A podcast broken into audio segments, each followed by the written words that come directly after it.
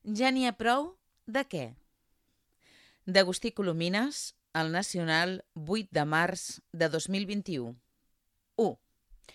El foment del treball és actualment el refugi de polítics que han fracassat en la seva estratègia de pacte amb els diversos governs de l'Estat. Josep Sánchez Llibre no crec que hagi dirigit mai l'empresa familiar de conserves. És impossible. Des del 1988, que no ha parat d'acumular càrrecs polítics, parlamentari a Catalunya del 1988 al 1993, senador del 1992 al 1993 i diputat a Corts de 1993 a 2016 per CiU. Quan la coalició nacionalista es va dissoldre i UDC es va estavellar les urnes, els seguidors de Josep Antoni Duran i Lleida van buscar refugi on fos al PSC, Ramon Espadaler, o en organitzacions de l'anomenada societat civil. Així és com el 2018 Josep Sánchez Llibre, vorejant als 70 anys, va accedir a la presidència del Foment i va desembarcar amb destacats membres del subsistema autonòmic del règim del 78, entre ells Jordi Casas, qui també fou membre destacat del comitè de govern d'UDC i, com Sánchez Llibre, ha ocupat tota mena de càrrecs polítics des que va començar com a regidor a l'Ajuntament de Matadepera el 1983.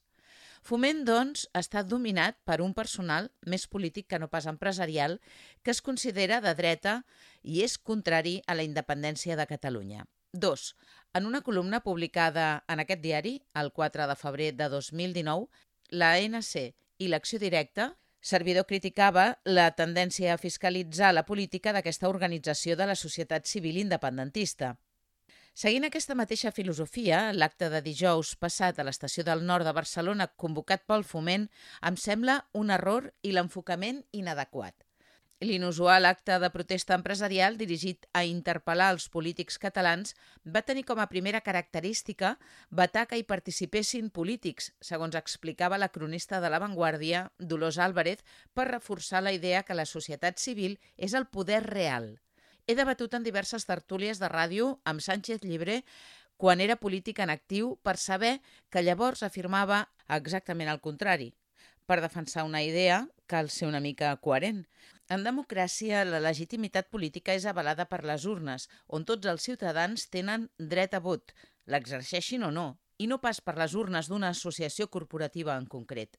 El que digui el foment del treball té per mi la mateixa consideració del que pugui proposar com a full de ruta independentista la ANC o Òmnium, atès que són tres associacions de les quals no sóc soci. La meva voluntat, com la de la majoria dels ciutadans de Catalunya, s'expressa a les urnes i són els polítics els encarregats de gestionar les polítiques públiques amb l'acord, si és possible, de les entitats de la societat civil. El 14F van votar i els resultats són els que són, 52% de majoria independentista. 3. L'opinió de la societat civil no pot substituir mai les urnes. La majoria parlamentària a Catalunya és avui independentista i de centre-esquerra per bé que topi amb la ideologia dretana i autonomista de Josep Sánchez Llibre i companyia. No passa res. Els empresaris ja deuen saber amb qui se la juguen. Però també haurien de ser valents, els que han volgut comparar l'acte de dijous amb la trobada empresarial del 2007 a IS s'equivoquen de mig a mig. Per començar, per la naturalesa dels convocants. A IS, l'Associació Catalana de Professionals, una associació clarament sobiranista, reclamava que l'aeroport del Prat, a Barcelona, es convertís en un hub de connexió de vols intercontinentals i que la gestió d'aquesta infraestructura fos individualitzada i es fes des del territori. Han passat els anys i el més calent és a l'aigüera, perquè el model de gestió de l'aeroport continua sent el mateix que el 2007. De fet, la tònica general en infraestructures i en molts altres aspectes ha estat la centralització, que és el contrari del que reclamaven les 196 entitats que es van adherir a l'acte. En el manifest de l'Estació del Nord, Foment no es parla de res més que de l'alteració de l'ordre públic, assenyalant amb el dit acusador el govern i l'Ajuntament de Barcelona sense entrar en el moll de l'os del problema que ha provocat els aldarulls, la persecució política i un atur juvenil que s'ha incrementat en un 35% des del 2019. 4.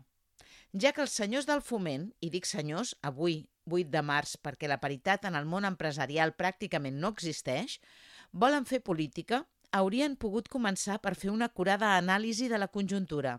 Si Foment vol contribuir a la normalització del país, no pot fer veure que no hi està passant res. Girar full pot ser un desafortunat lema electoral, però ningú que vulgui governar de veritat se l'hauria de creure. Des del 2017 que l'alteració democràtica a Catalunya és bestial i ho condiciona tot. Hi ha dirigents independentistes empresonats o a l'exili.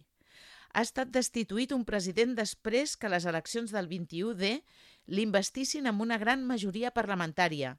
Gairebé 3.000 persones estan pendents de judici i ara, al final, la Fiscalia, que depèn de l'Estat, ha decidit perseguir la mesa del Parlament presidida per un diputat d'Esquerra Republicana que el 30 de gener va impedir la investidura de Puigdemont. La repressió no s'atura ni quan hom abaixa el cap.